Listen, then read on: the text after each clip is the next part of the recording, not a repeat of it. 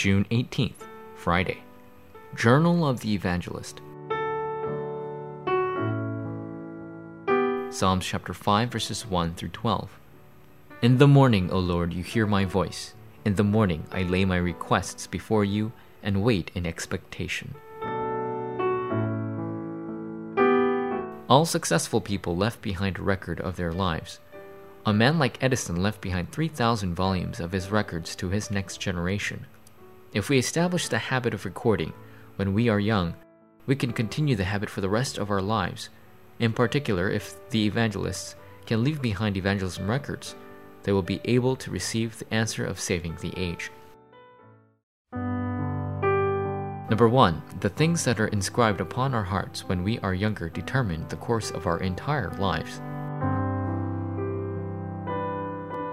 If we acquire the habit of exercise when we are younger, we can be healthy for the great majority of our lives. As we get older, our health begins to deteriorate. For this reason, the best way for us to sustain good health is through regular exercise on a daily basis. In addition, acquiring the habit of reading books when we are younger is very important. If we read books frequently, we will be able to have correct thoughts. If we are able to enjoy scheduled prayer when we are young, our souls reaches the greatest spiritual state. These important things must be inscribed in us when we are younger. Number 2 we must leave behind three records. The majority of people who have success left behind their own life record. We must leave behind three things. First, we must leave behind an academic journal. It is a good idea to record how we studied and what we studied. Second, we must leave behind a journal of our walk of faith and record it in the grace that we receive through the pulpit message and the prayer journal, and even records the answers of prayer that we received. In this way, we can confirm how our faith grew and leave it behind as a record.